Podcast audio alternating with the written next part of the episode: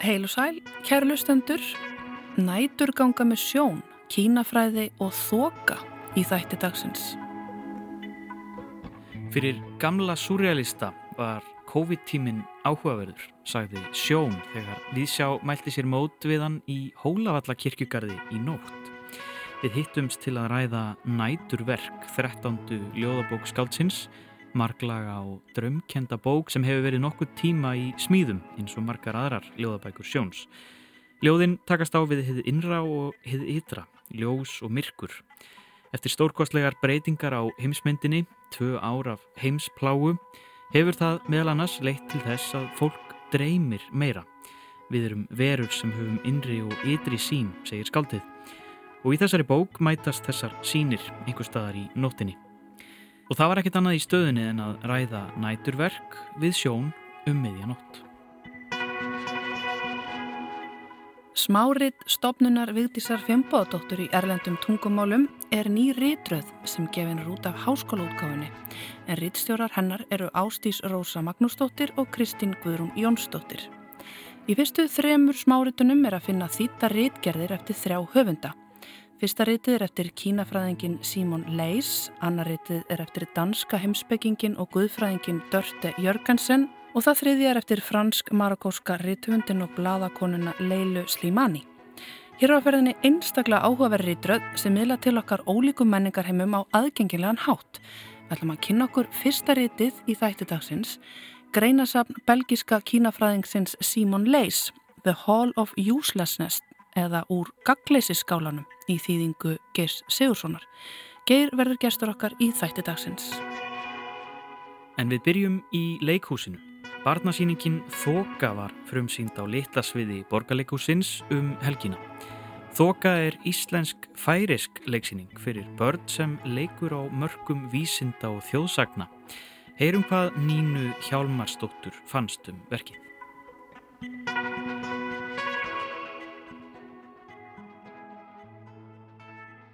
Þegar ég var á mentaskóla aldri týndumst ég og samferðamadur minn í þóku eftir að hafa skellt okkur í náttúrulaug sem var utan alfaraleiðar. Ekki nóg með það heldur var ekkert símasamband og við urðum ósamala um það í hvaða átt bílinn væri og fórum hvor í sína áttina. Ég var hrætt og varð eins og ofur næm fyrir umhverju mínu. Hvert einasta hljóð kvikti í ímyndunaraflinu og ég var handvis um að hér hlita vera krökt af draugum sem vildu mér ekkert gott. Á endanum fann ég bílinn og kerðu um þanga til að ég fann samframanni minn aftur og við sættumst á að halda liði næst þegar við tínumst í þóku. Þetta var nokkuð skjálfilegt á meðan á því stóð en eftir á fannst mér frekar magnað að hafa lendt í svona ævintýri í þykri heiðaþókunni þótti næstum því væntum þessa reynslu. Þóku vísindamennunum Huldu Mjörkadal og Karli Karlsinni tóks líka að týnast í þókunni í verkinu Þóka sem var frumsýnt á laugardaginn á litlasviðinu í borgarleikusinu. Höfundar verksins eru Aðalbjörg Árnadóttir og Salka Guðmundsdóttir á samt leikhópnum. Verkið er íslenskt og færeist og talar hulda færisku en karl íslensku. Þau eru þókuð sérfræðingar en þó svo að ég viti að norrlæg tungumál innihalda ógrinni af orðum yfir ímis veðurskilirði hafði ég aldrei heyrt um svona margar gerðir af þókum. Hulda og Karl eru í leiðangri einhver staðar á norðurkveli á istu nöf í leit að fyrirbæri sem kallast ofur sjaldgæfa þokan eða á færisku ofur sjaldsama mörki. Draumur þeirra er að fanga þokuna og jafnvel vinna til Nobelsverluna fyrir þokurannsóknir sínar. Sagan á baku þetta sjálfgefa fyrirbæri er að kongsdóttir hafi óhlýðnast og haldið í fjallgöngu en áskall óveður svo hún fann sér skjól í helli. Nema að þar bjó vond galdrakerling að sjálfsögðu sem lagði það á kongsdótturuna að hún breyttist í þóku og því sé ofur sjálfgefa þókan í rauninni kongsdóttir í álögum. Hulda og Karl leika sér með þokuna og gera allskynns tilraunir eins og að prófa að gleipa öll mismunandi þokusínin sem þau hafa sapnað.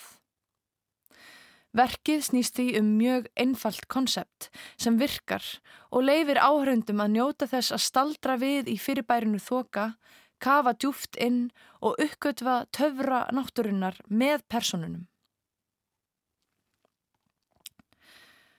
Gunnvá Sakariasen og Hilmir Jansson eru mjög sjarmirandi í hlutverkum sínum sem Hulda og Karl og var erfitt að sjá hvort þau eða áhörendur skemmtu sér betur, jamt ungir sem aldnir. Það gerir mikið fyrir verkið að Hulda talar færisku og Karl svari á íslensku. Það bæði býður upp á alls konar fyndin miskilning en er líka fræðandi og skapar stemmingu þar sem annars konar samskipti en orð fá plás. Hið huglega fær að þrýfast og það þarf ekki að þýða allt. Karl leggur mikla áherslu á yfirbyrði vísindana. Hann vil sko enga vittleysu hér sem býr til aðeglisverða tókstreitu við þjóðsögurnar sem þau segja hvort öðru og tilfinningarnar sem vakna þegar hlutir byrja að stækka í þokunni. Hulda er opnari fyrir því dulda og fer meðal annars með færeska vísu fyrir Karl um nekurinn hræðilega sem er hálfur hestur og hálfur maður. Færiar eru auðvitað frægar fyrir mikla þóku en einhver tíman heyrði ég að flugvöllurinn í færium væri stundum lokaður stóran hluta ársins vegna þóku skilir það. Önnur persóna í verkinu sem gegnir litkil hlutverki er krummin góði En heiðurinn af mögnuðu uppbróti er þegar nekurinn sjálfur byrtist í tólkun Hilmis Jenssonar.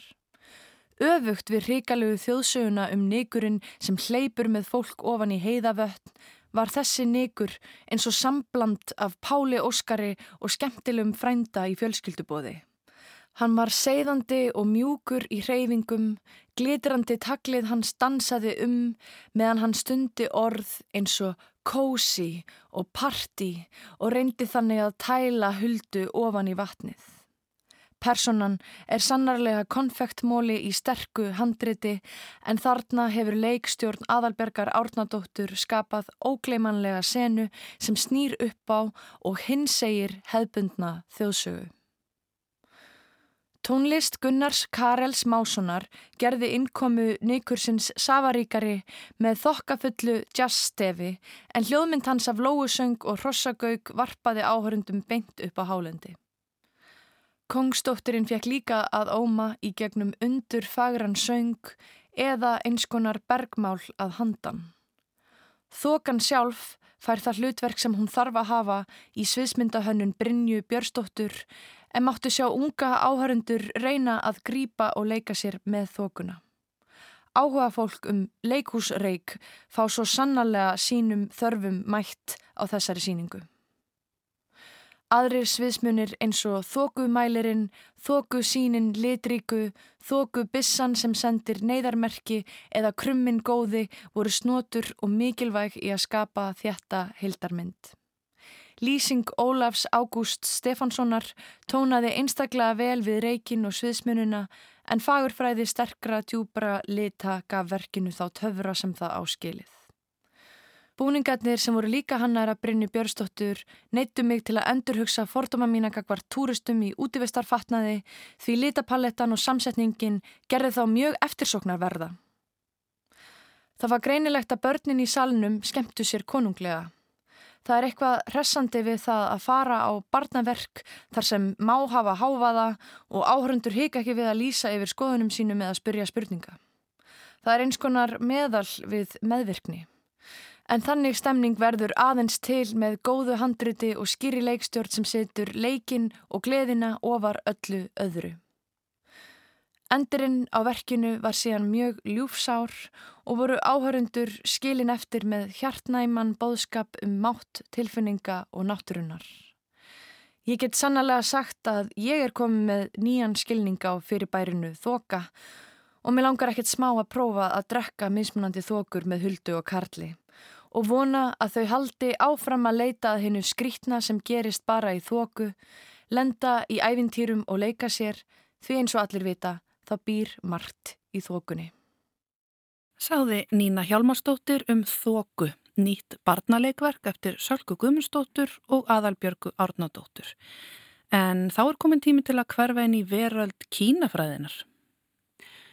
Ef við lesum ekki þessa bók, ef við gerum okkur ekki ljóst hvernig hún var skilin í gegnum tíðina og líka miskilin, hvernig hún var notuð og misnotuð með öðrum orðum ef við virðum þessa bók að vettu í, þá förum við jafnframt varhluta af lang mikilvægasta liklinum sem getur veitt okkur aðgang að hinnum kínverska heimi. Og þegar öllur á botnin kvólt getur hver sá sem er fáfróður um þessa siðmenningu einungis náð afar takmörkuðum skilningi á mannlegri reynslu yfir leitt.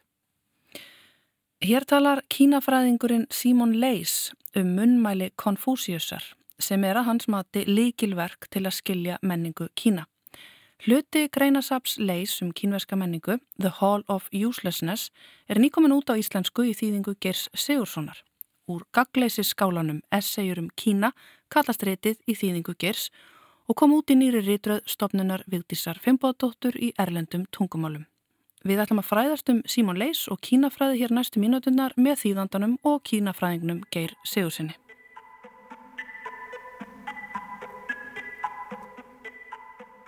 Vertu velkomin í Viðsjá, Geir. Takk.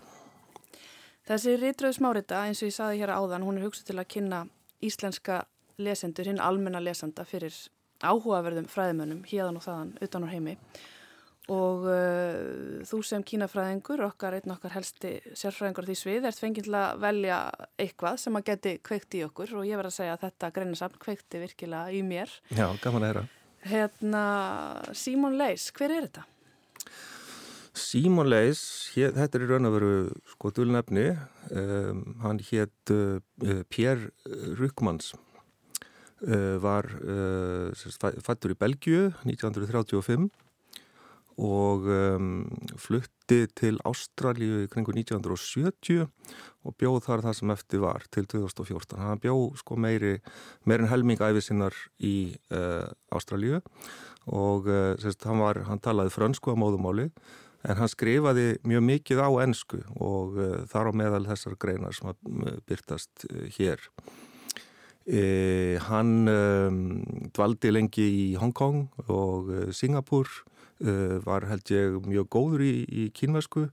Uh, hann einbeiti sér sérstaklega reyndar að sko einmitt kalligrafju eða skrautskrift sem hann fjallar hann um í einni greininni og hann er svona Eða að segja kannski svona, svona, svona hefðbundin sínológ hann hafði mikið áhuga á sko forðkínveskri menningu og, og, og eh, svona kannski þeim gildum og, og því sem að hún stendur fyrir.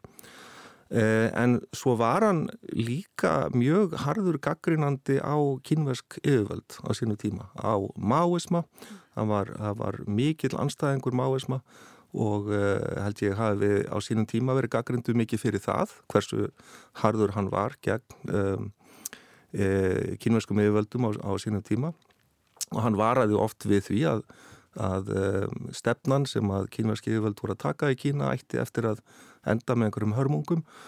Og það mætti segja kannski að það hafi verið staðfest uh, þegar að hörmungarnar á torkið símneska fríðar átt sér stað. Og þá var hann allt í einu uh, tekin svona í sátt aftur af mörgum öðrum kínafræðingum sem hafðu svona á vissan hátt svona íturundi hliðar. Ymmiðt, vegna þess að gaggrinni hans fjall ekkit endilega í mjög góðan jarðveg á þeim tíma þegar að Máa var dýrkaður hér og settur á stall? Nei, það var uh, svona gengið svolítið út frá því að, að kynverða væru einhvern veginn að, að uh, feta sig svolítið í átt til okkar stjórnkerfis smá saman uh, og, og þess vegna þótti ekki kannski við hæfi að, að gaggrina þá um of mm -hmm. og þess vegna var þetta líka svo mikið sjokk held ég fyrir alla þegar þetta átt sér stað af því að vendingarnar voru bara allt aðrar. Ummitt. Og hann kannski, meðal þess að hann, hann reynir að koma okkur í skilningum hér á Vesturlöndum er kannski bara hversu flókin þessi menning er og þetta er ekki eitthvað skip sem þú snýrt bara við á tíu árum. Já, ég held að það sé með mála og ég held að það sé akkurat það sem að sko engjani svolítið þessa hefbundnari eh, sínológas og ég noti bara þetta orð Uh, Kanski að útskýra þetta orð fyrir hlustendur sem þekkja það ekki Já, þetta er mikilvægt sko vegna þess að, að sko eftir að, að Kína opnaðist í 1980 að þá fór að eh, sko, þá breytist kína, ég má segja kannski að, að það hefur orðið til svona tvær tegundir af kínafræðum. Önnur kínafræðin sem er oftast kalluð bara á ennsku Chinese Studies til aðgreiningar frá Sinology eða Sinologíu að hún er svona, sko, hefur þá tilneingu til þess að einblýna bara á Kína samtímans eða nútímans uh, 20. öld kannski, eitthvað svo leiðis en fer ekkert mikið aftar en það svona nokkur með eins og Kína hefði bara allt í hennu orðið til uh, árið, hvað er það að segja, 1949 eða, eða ef þú ætlar að vera mjög svona viðsýtt 1912 eða eitthvað svo leiðis mm -hmm. Eh, sko hinnir sem eru svona kannski hefðbundnari og ég myndi segja að, að ég ætti daldi mikla samleið með þeim þeir líta svo á að þú þarfst að fara miklu miklu lengra aftur til þess að öðlast raunverulegan skilning á þessu flókna samfélag og þessari flóknu menningu og það þýðir ekkert að skoða bara Kína eh, eftir eh, sko einhvað ártal á, á 20. öld mm -hmm. eh, það er eh, miklu sko bara miklu dýbri gildi og miklu dýbri tilnægingar sem eiga sér stað og það er ekkert hægt að öðla skilning á þessum tilnefingum að gildunum að skoða söguna uh, miklu miklu aftur. Mm -hmm. Emmitt og eins og kemur fram þessum greinum hér hjá Simon Leis þá uh, eða hann vil bara meina það að það sé bara enga veginn hægt að skilja þessa menningu án þess að lesa til dæmis Confucius Emmitt og uh, það er þessar þrjár greinar sem að þú velur hérna Já. og um, kannski við byrjum bara á titlinum. Hall of Uselessness heitir þetta greinarsap sem kemur út 2013 stuttu fyrir andlátans Já. þetta er samansap greina sem hann hefur verið að skrifa já, stóra hluta æfinar og þessar þrjár greinar kallast um kynvesk viðhór til fortíðar, um skrautskrift og ingang að konfúsiusi Akkur þessar greinar og akkur þetta ritt? Já, eh, sko The Hall of Uselessness er eitthvað stort og mikið ritt. Þetta eru margar essayer og fjalla um bara ímisefni. Eh, þar er Kína í raun og veru bara eitt þáttur af mörgum af því að hann tala líka mjög mikið um, um hérna, já bara franskan litteratúr og um, uh, hann tala líka um kínvastjórnkerfi, hann talar um hugmyndin um háskólan uh, og, og fleir og fleira, Tonki Kóta og, og svona eitt og annað. Þannig að svona, þetta er mjög viðtækt. Nú, mér langaði náttúrulega að velja sko greinar sem að e, myndu kannski eiga einhverja svona samleið e, þannig að, að þetta var svona kannski pínleiti erfitt að velja. Voru hérna fleiri greinar sem að mér þótti líka að vera mjög áhugaverðar en, en þessar þrjár fannst mér svona passa nokkuð vel saman. Af því þær eru kannski einmitt að, að, að setja fram þetta sem að þú talaður um rétt áðan að sko til þess að öðlast, til þess að geta öðlast einhvern skilning á Kína að þá þurfum við að kafa miklu dýbra heldur við neyjumst til að gera svona almennt uh mhm. -huh. og, og, og þarna er farið sérst einmitt í þetta kannski sögulega viðþorf hvernig sérst kynver að líta á söguna, hvernig líta á fortíðina uh, einmitt á, á skröðskriftina sem að sko við vesturlandabúar einhvern veginn höfum einhvern skilning á mhm. hreinlega -huh. Mhm. og við áttum okkur ekki á því hversu mikilvæg hún er eða hvað hva hún, hva hún, sko, hva hún er á háum stalli í, í, hérna, í kynverskri menningu og síðan er það náttúrulega Konfúsius sem að ég hef svo sem náttúrulega helga mjög, mjög mikið í mínum störfum og ég vil ennþá meina að við getum lært mjög mikið af því sem að uh, þar kemur fram, bæði til þess að bæta okkar eigið samfélag og okkar eigið líf en, en líka náttúrulega til þess að aðla skilning á uh, Kína, jafnvel Kína samtímans. Mm -hmm. Akkurat. Ef við veltum östut fyrir okkur í hérna fyrir greininni þá er fjallaðum viðhór kynverja til fortíðar og þar kemur fram til dæmis tala um hversu lítið eru minnisvarða að fortíðin sé ekki beint áþreifanlega í þessu efnislega umhverfi Já. heldur miklu frekar í fólkinu, tungumálinu og svo bókinu Já. og bókunum. Uh, þetta er eitthvað sem að lætu mann þó að við um ok okkar örstuttu sögum með við Kína þá, lætur þetta mann kannski hugsa líka til okkar bókaþjóðarinnar sem eigum ekki marmarahallir. Já, en, uh, Já góð, góð samlíking en, hérna, en þetta er eitthvað sem að hann talar um að sé bara kjarni kínverska menningar. Já, þetta er svona tilgáta hjá honum sko, og, og, og sko hann er auðvitað eh, eins og margir gera sko þeir eru að fjalla um Kína, hann dregur upp svona ákveðna anstæður þú veist að, að, hérna, að það sko það er svo lítil áhersla einhvern veginn lögða á það að þessir efnislegi hlutir eigi að sko vara um aldur og æfi það, það skiptir í raun og veru á afskaplega litlu máli vegna þess að það er kannski bara á vissan hátt kannski bara meira sjálfströst fólkið einhvern veginn í siðmenningunni sem slíkri. Að það sé þetta viðhald siðmenningarinnar sem að býr í fólkinu mm -hmm. sem að, sem að, hérna, sko, að, að því sé viðhaldið. En ekki einhverjum húsakinnum eða, eða byggingum og, og, og, og svo framvegis.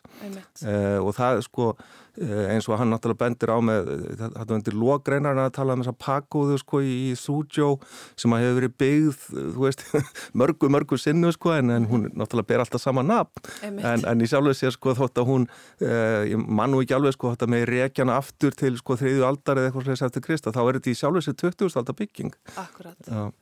Það er nú annað í þessu greinasafni maður verður svo meðutaður um tíman vegna þess að það er alltaf vera að tala um einhver, einhver tímatöl sem við erum ekki vönur vestrætni listasögu. Já En hérna þetta með sko að minnisvarðin sé í fólki, þetta er líka sko, hann tala líka um uh, hvað fortíðin er raun hreyfanleg og það verður ekki neinn stöðnun. Það sem að hún endunýjast alltaf eins og í þessari byggingu sem þú ert að nefna. Einmitt. En hann tekur eitt listaverk sem dæmi um þetta, þennan hreyfanleika sem að er uh, orkjudíuskálin og er einmitt skrautskriftaverk og þetta er nú bara uh, listaverk, hann talar um að þetta sé þekktasta, eitt þekkt þekktasta listaverk kínverskrar menningarsögu en ég hafði bara aldrei hýrt um þetta verk. Nei, en það sko hefur í sjálfur sér engin tök á að sjá þetta verk uh, af því að uh, við vitum ekkit hvar frumgerðin er eða hvort hún hafi yfir höfu verið til. Uh, heldur er þetta svona meira eins og einhvers konar hugmynd og, og það eru margir sagt, listmálarar í gegnum tíðina sem hafa verið að búa til sína eigin útgáfur af orkitíðu skálanum Uh, og við sjálfsögðu eigum við til myndir eða eftir myndir af þeim frumgerðum en við vitum í sjálfsögðu ekkert uh, hvað, hvernig þessi frumgerð var í raun og veru heldur er hún bara svona meira eins og einhverju hugmynd mm -hmm. sem hafi orðið til Mm -hmm. en, en mér langar kannski að, sko, að, að nefna þetta með, sko, þetta með reyfinguna. Sko. Þetta er gríðarlega mikilvægt eh, sko, í kynveskri hugsun yfir höfuð. Þetta er algjört grundvallar atriði eh, sko, í, í, sagt, kannski kynveskri frumspeki að, að ekkert stendur í stað. Það er alltaf allt sko, á, á reyfingu, það er alltaf, alltaf eigðast og, og, og nýttir að verða til og það kann að vera, sko, sko hann, hann talar ekki ekkert um það að leið sjálfur sko, en það kann að vera að þessi, sko, tiltel, þessi tiltekni frumsbyggilegi skilningur að hann búi svolítið að baki þessu svona, hvað við segja, þessu áhuga leysi um að byggja einhvers konar varanlegar byggingar eða varanleg minnismerki. Mm -hmm. Af því að það er bara gengið út frá því að -hmm. hlutir eru alltaf að breytast og þótt að þetta kom ekki kannski mjög sterklega fram til dæmis hjá Konfúsiusi e, þá talar hann þó á einum staðum það sko þegar hann stendur hérna við ánokkra og horfir á hann að renna hjá og hann segir er, er þetta ekki svona sem að hlutinir eru að hlutinir eru bara alltaf að renna hjá manni uh mhm. -huh. þannig að það, sko, þetta er ákveðið svona undirstuðatrið, þetta kemur sér, sérstaklega sterklega fram í, í daoisma og, og, og hugmyndunum um breytingaritninguna um I Ching sko, þetta spáldómstæki sem að er uh, tjáir raun að veru svona undirliggjandi formgerð alls sem er og það er hreyfingin. Uh mhm. -huh. Hjá okkur á Vesturlandum þá er það í raun að veru öfugt. -huh. Mhm. Við erum alltaf að leita að, að, að varanleikanum og hann byrtist náttúrulega fyrst og fremst í, í, í hérna, frummyndakenningu Platons mm -hmm. uh, sem að er síðan í, svona einhvers konar frummynd alls þess sem að hefur komið eftir daga Platons og eins og, eins og Alfred North White hefði talað um að náttúrulega öll heimsbyggi eftir daga Platons er bara stór og löng neðamálskrein við hans verk. Ymmitt, en akkur þessi punktu líka, hann talar um það leys að það er margt í ymmitt kynurskri menningu sem að er alltaf að augra okkar hugmyndum hér á Vesturlöndum eh, eins og til dæmis tekur sem dæmi bara annað dæmi og það er hérna tungumálið Uh, við erum með þessa föstu hugmynd að talmál sé undumfæri rítmáls að upphafið var orðið og svo kom rítningin. Þetta er eiginlega bara öfugt í Kína. Já, það er, það er sko e, einmitt, þetta er, þetta er hugmynd sem að ræti sem að reykja til sko, já, náttúrulega Aristoteles er einhverju leiti og, og svo Sjur síðan sko, hérna, málsbyggingsins en það bendir allt í þess að sé, þessu séur hann veru öfugt farið í Kína. Að eh, sko að því að forkínverska var aldrei talað mál. Forkínverska var bara rítamál og, og og, og síðan sko hefur verið nútíma kynverskan að margan hafa þróast út frá forkynverskunni sem var, var fyrst og hennst réttamál. Þannig að, að í því tilviki að, að þarna sko, sko við erum að setja fram einhverja eða svo syr og fleiri setja fram einhverjar almennar hugmyndir sem að eiga að gilda um, um, um alla menningarheldir mm -hmm. en í þessu tilviki þá verist það ekki ganga upp. Einmitt. Akkurat. Það er margt sem að hérna, fær mann til að hugsa í þessum greinum. En hérna síðasta greinin uh, er hans ingangur, hans þess að þýðir munmæli konfúsísar, satt? Og þessi síðasta grein er ingangur hans að verkinu? Já, það passar. Einmitt. Einmitt. þar talar hann uh, meðal annars um sko auðvitað þennan hugmyndafræðilega ágreining sem er átt sér stað já. vegna þessara munmæla og hvernig, já, miskóðir pólitíkusar hafa Einmitt. nýtt sér þennan texta og dekúunar og alls konar hluta sem hann er með tögagrind en hann vil samt meina að það sé algjörlega nöðsilegt eins og við tölum á þann að lesa þetta til að skilja þessa menningu. Já. Þú ert sammálað því? Já, já, ég er algjörlega sammálað því, ég, sko, en það er að vísu ekki vola auðvelt að lesa munmæli konfúsiðisar og, og það er einfallega vegna þess hvernig þau eru sett upp. Þetta eru sko svona bara eins og litlir orskviðir, litlar sögur, uh, samræður hér og þar og þetta virðist ekki vera sko þessu, þessu er ekki raðað upp með einhverjum sko mjög kjærfiðspundum hætti. Það minnskosti virðist það ekki vera þannig. Svo reyndar þegar maður er búin að lesa þetta kannski nokkur sinnum þá að svolítið sko erfitt að lýsa mm -hmm. hreinlega. Um, en sko það sem að leiðspendir á hér í þessum ingangi uh, sem er þá þriða greinin í, í bókinni að sko það, það hefur verið tilnægt til að líta fyrst og fremst á Konfúsíu sem kennara og, og það eru þetta það sem að sko kínverski yfirvöld, ég menna Jafnvel keisara yfirvöldin hafa viljað sko hampa í, í gegnum uh, tí, tí, uh, tíðana mm -hmm. rás en, en sko en leysir að benda á að þú veit að vildi hann taka beinan þátt í stjórnmálum Þannig að, að það er svona vissan hátt fyrir að gera lítið úr honum kannski mm -hmm. með því að, að, að hérna, sko einblýna á, á þessa sko hugmynd hans um lærdum. Mm -hmm. Sko ég er nú ekki alveg sammála reyndar sko. Mér finnst að hérna, sko, hugmyndinu mentun sko eða það að verða að mannesku sem að mhm. ég er svona kenning sem að ég hef sett fram sko um, um uh, þessa menta heimsbyggi uh, konfúsianism þess að ég reynda mjög hrifin af íslenska orðinu mentun í þessu samhengi því að mentun þýðir einmitt tala að, að, að mannast eða verða að mannesku finnst mér. Og það er einmitt þessi hugmynd sem að konfúsíu setur fram líka að, að við þurfum að læra það að verða manneskur við þurfum að læra að þroska þær tilfinningar sem að gera okkur að raunverulegu manneskum og, og, og, og alla þá hæfileika sem við þurfum að hafa og, og það er algjör grundvallar atriði í allri siðmenningu að við verðum, eh, við, við fetum þessa leið sem er hinn konfúsianiska leið að, að verða að manneskjum. Og það er í sjálfu sér stjórnmá líka Það er segja að þarna læru við að fást við annað fólk uh, af, af sangirni og, og, og sínaði virðingu og svo frammeðis og þetta er eitthvað sem við hefum að geta tekið upp allan skalan, mm -hmm. alveg upp í, í, í, í hérna, stjórnkerfið. Emmitt, hann talar um að mikilvægast eiginleiki pólitikusa séruninni manngæskan. Já, algjörlega, algjörlega. Það er annað sem hann talar um líka, hérna ég kannski nefnum það í lokin, sko hvaða er sem að gerir munmælinn að síkjeldur eyti og uh, og þá einmitt talar hann bara eins og síkildrið þurfa að vera opinn og alltaf bjóð upp á tólkun. Akkurat. Að, hérna, og svo er svolítið skemmtilegt hvernig hann lýsir því sko, hvernig við sem Vesturlanda búið komum að textanum sem nútímalegum. Já, nákvæmlega. Hann er svo núlstiltur fyrir okkur og mér átt svo fallega þessi myndlegging að... Með snagan. Já, já með snagan. að, að, að þeir sem kom úr þessari menningu þeir sjá Konfúsius fyrir sér sem yfirfullt fatahengi. Það sem er endalist búið að hengja nýjar og nýjar merkingar á. Já en ég menna, ég kem og les textan og ég sé bara tómt, fatahengi og get fara að hengja mínar flíkur á. Já, já. Þetta er ótrúlega fallið líka. Já, ég er ofsalega hrifin að þessu líka og, og, hérna, og ég held að hann sko hitti alveg naglan á höfuð með þessu. Það er nefnilega sko til dæmis mjög algengt eh, sko meðal kynverja að þegar að þeir lesa Konfúsius eða eru að eh, svona fjalla um Konfúsius þá eru þeir ofsalega skilirtir af sko þeirri ímynd sem að Konfúsianasmi hefur haft síðan á 19. öld. Það er að segja þeir, þá, þá náttúrulega var konfúsianismi var sko ríkishumutafræði, var vissulega orðin mjög gæld Uh, hugmyndafræði. Uh, var í raun og veru svona tæki sem var bara notað til að, að kúa og bæla og, og, og, og vissulega ekki til að stuðla framförum frekar afturhaldi ef, ef eitthvað er. Mm -hmm. og margir kynver að sjá konfúsianism að fyrst og fremst hannig veist, að, að, þetta er svo ofhlaðið í þeirra huga. Þannig að sko uh, þá skortir raun og veru getuna að taka burt alla þennan fatnað mm -hmm. og byrja svolítið að tólka upp á nýtt og sjá hvað leynist í textanu sem slíkum. Og þetta er eitthvað sem að sko við á, eh, já, sem erum ekki kynverjar sko, að okkur tekstundum að gera þetta, að, að, að sko draga fram svona þá uh, möguleika sem að, sem að tekstin hefur upp á að bjóða og þá er þetta að fá fram sko svona nýja tólkun sem að er miklu kannski frjórri eða eða, e, eða svona hvað maður að segja jákvæðari eða produktívari mm -hmm. sko mhm. heldur en, heldur en þessi eldri mm -hmm. Heldur tekstunum svo sannlega alltaf lifandi? Alveg tvímarlöst, já mm -hmm.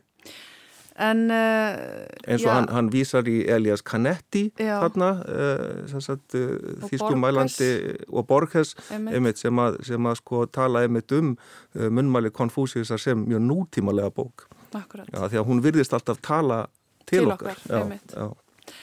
En svona östuðt í lokingir aftur, hver er staðan á Konfúsius í dag? Bæði að þá menna ég í okkar fattahengi og líka í hérna í kínverska fattahenginu. Já. Á hann samleið með nútíma manninum. Varu ekki að segja það? Mér finnst hann eiga samleið en það sem að ég óttast eh, sko sagt, eftir 1980 í Kína þá hefur náttúrulega reikið verið dustað á hann um aftur og hann hefur verið tekin upp af stjórnvöldum eh, og ég menna þú, þú gast ekkert eh, stúdir að Confucius millir 1949 og 1980 meirað minna, það var bara bannað nema í Tævan, það getur ekki gert það en ekki í alþjóðlífundinu en núna er búið að breyta því það, það, það sko eru komnir margir fræðimenn og, og konur að sjálfsögðu líka sem að hérna, fjalla um Konfúsíus.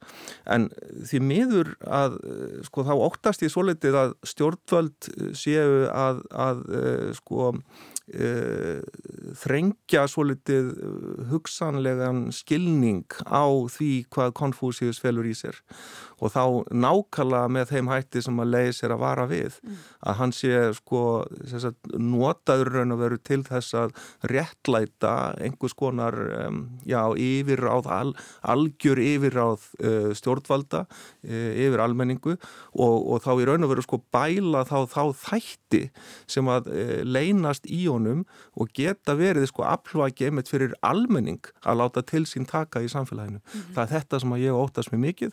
Þetta höfum við séð annars, gerast annar staðar til dæmis þetta í Singapúr eh, þar var People's Action Party mikið að hampa konfúsianism á uh, nýjunda áratögnum en, en það var alltaf þessi tiltekna uh, tólkun á konfúsianisma sem að hendaði yfirvöldum uh, sem best. Mm. og, og ég óttast að sama er eiga sér stað í alltíðlíföldurum Við skulum vona að það fara ekki svo en, en það er allavega alveg magnað að slíkur texti mörg hundruð ára gamal skuli enn vera jafn, vera jafn virkur. Já, einmitt, vera ennþá í, í gildi eða, eða já. Já, tala ennþá til okkar. Há jafn sterk áhrif. Já, já, og, og það er svona, sko, það, það er mjög mikilvægt finnst mér að, að sko fræða fólk og, og kannski einmitt ekki síst konur uh, skoði þennan texta og, uh, og, og drægi sko fram úr honum að ég er líka alveg þess sko handvisum það þótt að hann hafi verið notaður einmitt til þess að, að halda konum niðri mm. að, að þá,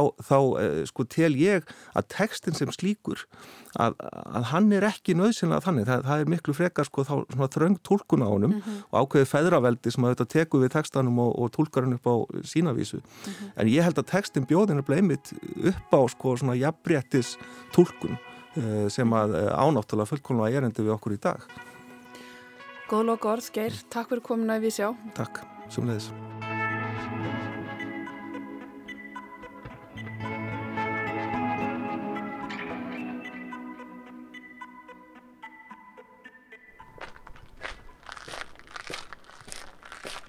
Það er ekki á hverjum degi sem að viðsjá heldur út í nóttina til að hitta viðmælendur sína. Klukkan er að ganga eitt eftir minnati aðfarnótt þriðdags 2009. mars. Ég er á leið í Hólavallagarðin, gamla kirkjugarðin við Suðugötu og þar á ég stefnum út við sjón.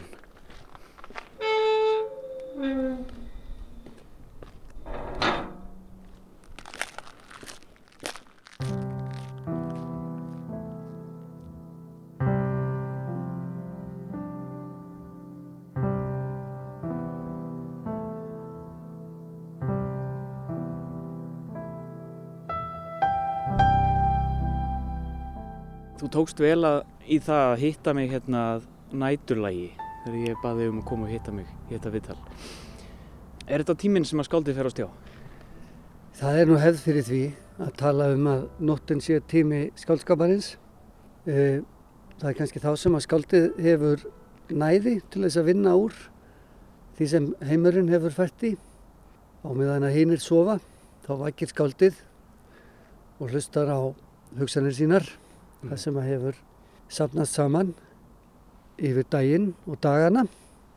Þannig að mér hafast við hæfið að hittast í nóttinni og, og, og svona í gegnum tíðina þá hef ég verið mikill nætur vinnumadur í mínum skriftum. Mér hefur alltaf þótt gott að vinna inn í nóttina og eins og ég segja hafa þessa tilfinningu að þá uh, eigi maður svolítið heiminn mm. þegar hinn er sofa. Þá er hinn að dreyma og skáldið er að yfka þá list sem að kemst næst drömnum og það er ljóðið.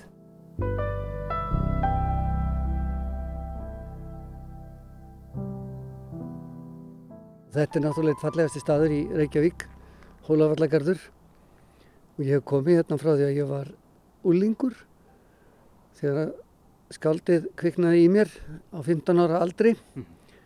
Þá fór maður oft á rúndin hérna með skólafélagunum þá var rúndurinn hér á Hallarísplaninu og var gengin ringurinn sem sagt rangsælis og réttsælis hérna með austurvelli og, og, og, og lækjargutuna og tilbaka og þetta voru allir úrlingar bæjarins að gera og hittast og bara lifa.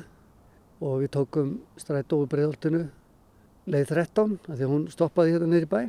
Og svo vorum við þarna og svo var fólk að gera svona ímislegt sem álíka að gera eins og segi það var svona verið að skoða Þetta verið að hangsa? Já, hangsa og skoða krakka á öðrum hverfum og svona og, og, og svo voru alltaf einhverjir á bílum sko, eldraliði var á bílum og ég var nú alltaf fótgangandi og svo voru einhverja stelpur svona sem að maður hafði séð á rundinu sem maður þurfti að skoða byttur næstu viku og svona.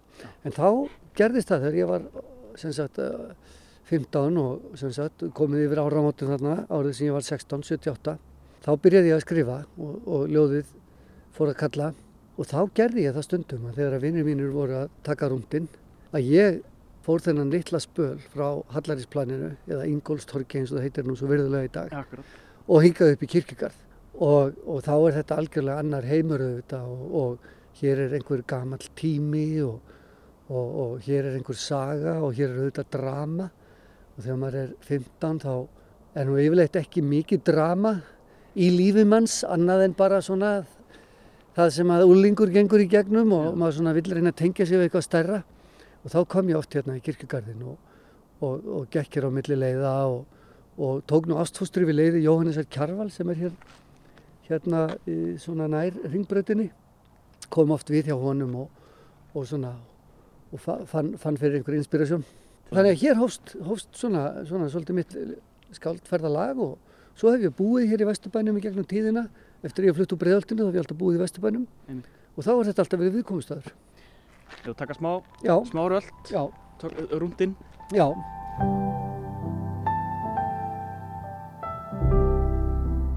Segð mér aðeins, nú, nú eru nokkur á liðin frá fyrstu ljóðanum. Nú er þetta 13. ljóðabókin sem komin út frá þér. Já. Næturverk. Um, Segð mér aðeins frá þessari bók, komu þessi ljóð úr inn úr nóttinni til þín? Þau koma svona rýmsum áttum eins og allur skaldskapur innan úr manni sjálfum og, og utanfrá og, og, og sumt er sjálfsbrottið og verður til bara sem kannski ein lína í höfðin á manni eða einhvern augnablík sem maður upplifir einhver staðar eða einhver samsláttur svona orða bara sem að maður ræðir svo sem ekkert við og svo er annað sem að verður til af einhverjum tilefnum og stundum er ég þú veist, beðin um að taka þátt í einhverju og hugsa um eitthvað ákveðið og, og annað slikt og þetta verður yfirleitt til hjá mér á svona lengri tíma og eins og þú segir, þetta eru þetta er 13. bókin, þannig að það er kannski ágætt að hún heiti Næturverk mm -hmm. uh, út af svona þessari mistiki kringum 2013 ég hafði nú ekki hugsað út í það Nei. en það, er sjö ár liðin frá síðustu bók og, og, og þegar hún kom út þá voru sjö ár liðin og þannig ég hef verið með ljóðabóka svona sjö ára fresti núna. Og, og, og þetta verður þá til á lengri tíma. Og svo kemur yfirleitt að því að ég átta mig á því að eitthvað af þessu efni sem hefur sapnast upp hjá mér í hinnum á þessu möppum eða lausum blöðum hér og þar að svona eitthvað ég fyrir að kalla, kalla, kallast á. Og þá fer ég að reyna að ræða sem að bók og það var núna í sem sagt haust sem að þar sem ég var út í Tjúrik uh, og, og ég var þar í, í nokkra mánuði að þá fór ég svona aðeins að skoða hvað var til og, og þá byrjaði þessi bók að ræða sér upp mm. og þetta ljóð næturverk það var nú til fyrir nokkrum árum og uh, lýsir bara því sem ég uppliði þar sem ég var í flugfjöl og sveifi yfir Persaflóa og uh, ég vissi einhvern veginn að það ljóð yrði líki ljóð í bókinni og jáfnvel þá að bókin myndi nefnast næturverk. Og það ljóð sló svolítið tónin fyrir bókina. Og ég held kannski að núna svona eftir þessi tvö ára af, uh, heimspláu og öllu sem henni voru fyllt uh, uh, þú veist allir þessari einangurun þessari, þessari, uppbroti á hversteginum þessu, þessu endurmandi á samskiptum okkar og og nýjum samskiptarreglum og svona uh, innri hugleiðingum sem að fyldu þessu öllu saman þá held ég að þessi bók einhvern veginn hafi, hafi svona verið að býða eftir því að verða til. Já, þetta er svolítið um innra lífið. Það kemur koma á augu oft fyrir og það er það sem er ekki bara það sem að ber fyrir augun heldur líka það sem er fyrir innan. Hvað, hvað, hvað brakar hérna undir? Já, þetta er svona, það er einhver skálskaparfræði í þessari bók. Það er svona verið að skoða, skoða, skoða þetta. Eh, að við erum verur sem að höfum ytri sín, við, við, við horfum út, en við erum líka með innri sín. Og, og, og, og ég hef alltaf sagt sko að manneskjan er til þar sem þetta tvent kemur saman. Og bókin er aðeins að skoða það ástand, það augnablík þegar að hinn innri maður og mætir því sem að, sem að hans eh, sjáandi augu sjá í veruleikanum. Mm -hmm. Það er svolítið í þessari bók held ég. En það var svolítið merkilegt að á fyrstu mánuðum eh, heimspláunar, á fyrstu mánuðum COVID, þá gerðist það að fólk fór að dreyma mikið og allavega taka eftir draumum sínum. Og þá voru skrifaður um þetta greinar við það og og til dæmis í Guardian sem að ég leist nú alltaf reglulega að það var stór grein um þetta þetta var bara fyrirbæri og, og, og fólk fór að tala um drauma sína og, mm. og skrifa þá nýður og það var eins og svona í þessari, þessari þögn sem að varð í heiminum og þessari innilókun einfallega vegna þess að fólk uh, fekk fullan svefn þrátt fyrir allt að, að, að þá kviknaði mikið drömlif í, í, í heiminum mm. og uh, fyrir gamla surrealista var það þetta mjög áhugavert ástand ja. og bókin svona, hún held ég að tala aðeins til þess líka hjá fólki.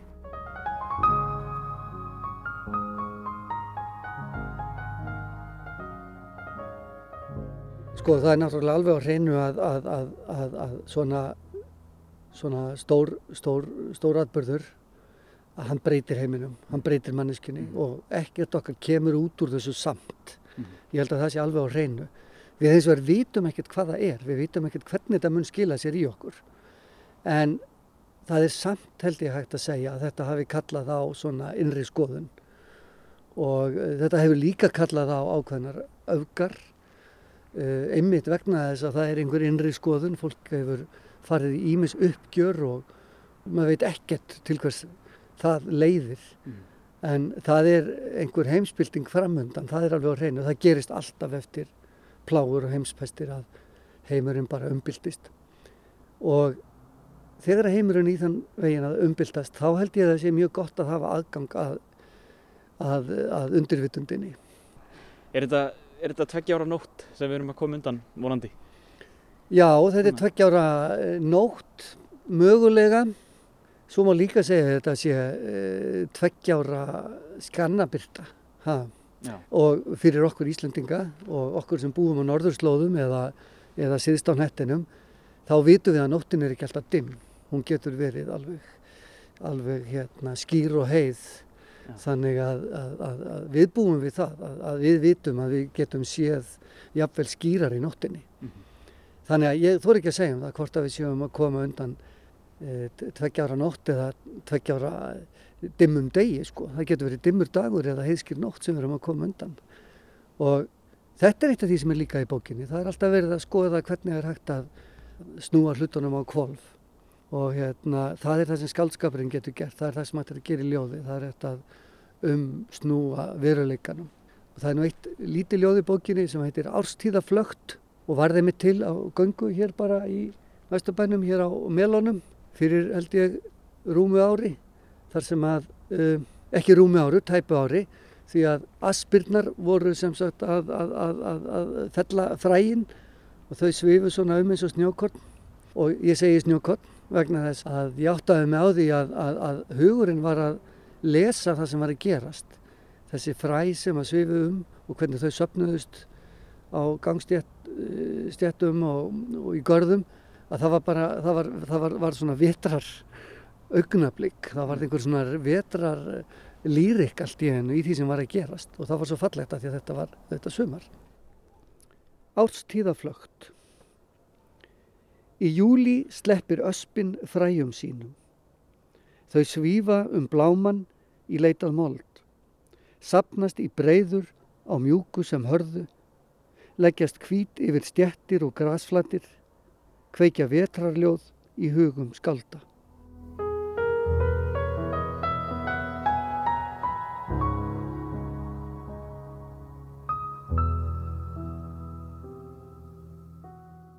Ég kemst eiginlega ekki hjá því að spurja þig eins um sko, bókin er kaplaskipt og það, það eru hanga saman ljóð sem að, sem að vilja hanga saman uh, þú ert með hérna, þýðingar á ljóðum trjáa til dæmis eitt kaplinn, mjög flottur um, en svona undir lokin þá, þá fór ég að lesa svolítið svona já kannski hvernig við komum undan nóttinni þegar við förum að hitta aftur fólk og, og nú erum við að, að, að ræðum fólk sem er á flótta. Heimurinn er alltaf að breytast og alltaf að taka á sig nýja mynd og... Algjörlega og, og, og, þá er nú gott að hafa skaldskapin til þess að hugsa um það. Og það er einmitt þarna þrjú ljóði í lokbókarinnar sem ég kalla dæmisugur og uh, þar er ég svona að nota dæmisuguna til þess að skoða um, skoða ímislegt af stóru málunum í, í heiminum í dag. Það má lesa þarna eitt ljóð sem litla tilraun til þess að ná utanum uh, þessa síkvíku breytilegu veröld sem við lifum í. Mm. Eitt ljóðana er að takast á við einmitt hérna, það hvernig við tökum að móti hinnum ókunna, hvernig við tökum að móti hérna, bara hreint og beint flottamannum eða fólki sem að allt í einu byrtist hjá okkur og, og, og, og þá er oft fyrsta viðbræðið að, að neyta viðkomandi um uh, stað í samfélagi mannana. Það er þarna ljóðið Mæling skuggans þar sem að uh, ég er aðeins að skoða það og, og svo er þarna ljóð sem að er að uh, skoða hérna, hérna lofstagssamfariðnar. Þannig að svona í lokin þá koma þrjú ljóð sem að eru svona að reyna aðeins að, að, að ekki kannski ná utanum en svona koma við stórumálinn. Og meðan í fyrirlutanum er kannski svona persónulegri upplifanir og síðan eins og segir er þarna þessi, þessi þetta ljóð sem er leikur með að reyna að lesa úr uh, tungumáli uh, fra, algjörlega framandi tegundar.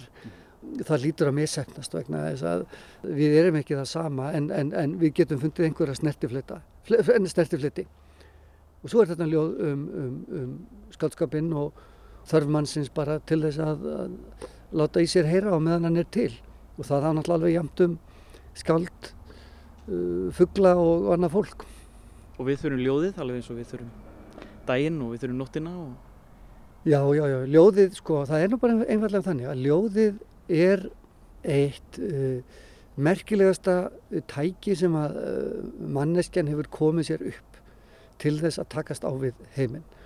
Og það sem er svo fallegt við ljóðið er það að Þar er manneskjan í brennipunkti. Ljóðið sprettur alltaf úr manneskjunni og manneskjunni í varnarleysi sínu og viðkvæni, gagvart uh, örlögunum og, og, og, og gagvart uh, heimsöflunum og þá hvort sem að það eru náttúröflin eða, eða mannleg öfl, jáfnveil mannleg öfl eðileggingar. Og ég tók nú þátti í viðburði hér í Ráðhúsi Reykjavíkur fyrir uh, rúmri viku þar sem að ljóð voru lesin til til hérna, stuðnings Úkrænu, hópur íslenskara skálda sem að las ljóð eftir sjálfsig og, og, og þýðingar á, á ljóðum úkrænskara skálda mm. og þá eh, var það einhvern veginn svo ljóst að, að, að þessi litla rött manneskunar sem að ávarpar ávarpar hið ósigranlega í rauninni e, e, að hún er kannski það eina sem við eigum á, á endanum.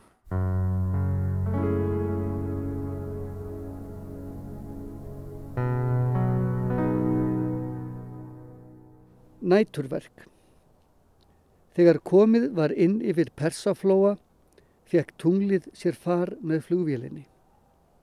Þaðan sem ég satt í gluggasætinu sá ég það speklast í hvítum vagnum. Ögnabliki síðar var ljós bletturinn horfin og punktaður málmurinn með.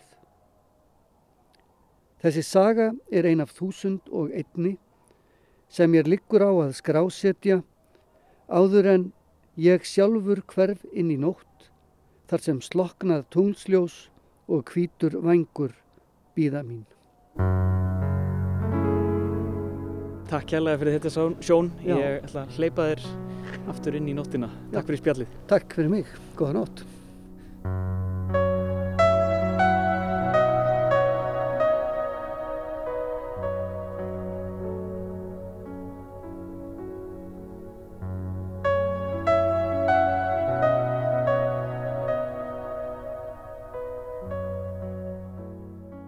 Gríska tónskaldið Vangelis fyldi okkur sjón í nætur göngutúrum kirkjugarð þar sem við rættum nýja ljóðabók, Næturverk. Tónverkið sem við heyrum heitir Through the Night Mist, gegnum næturhúmið og það var einmitt það sem við gerðum í nótt, ég og sjón. Þetta er af blötu Vangelis Nocturne, innblásin af sjálfri nóttinni og við leiðum því að vera loka tónandir hér í Vísjá. Og hér hvaði við í dag, innan úr nóttinni með Sjón og Vangelis. Takk fyrir samfélgina í dag og verið sæl.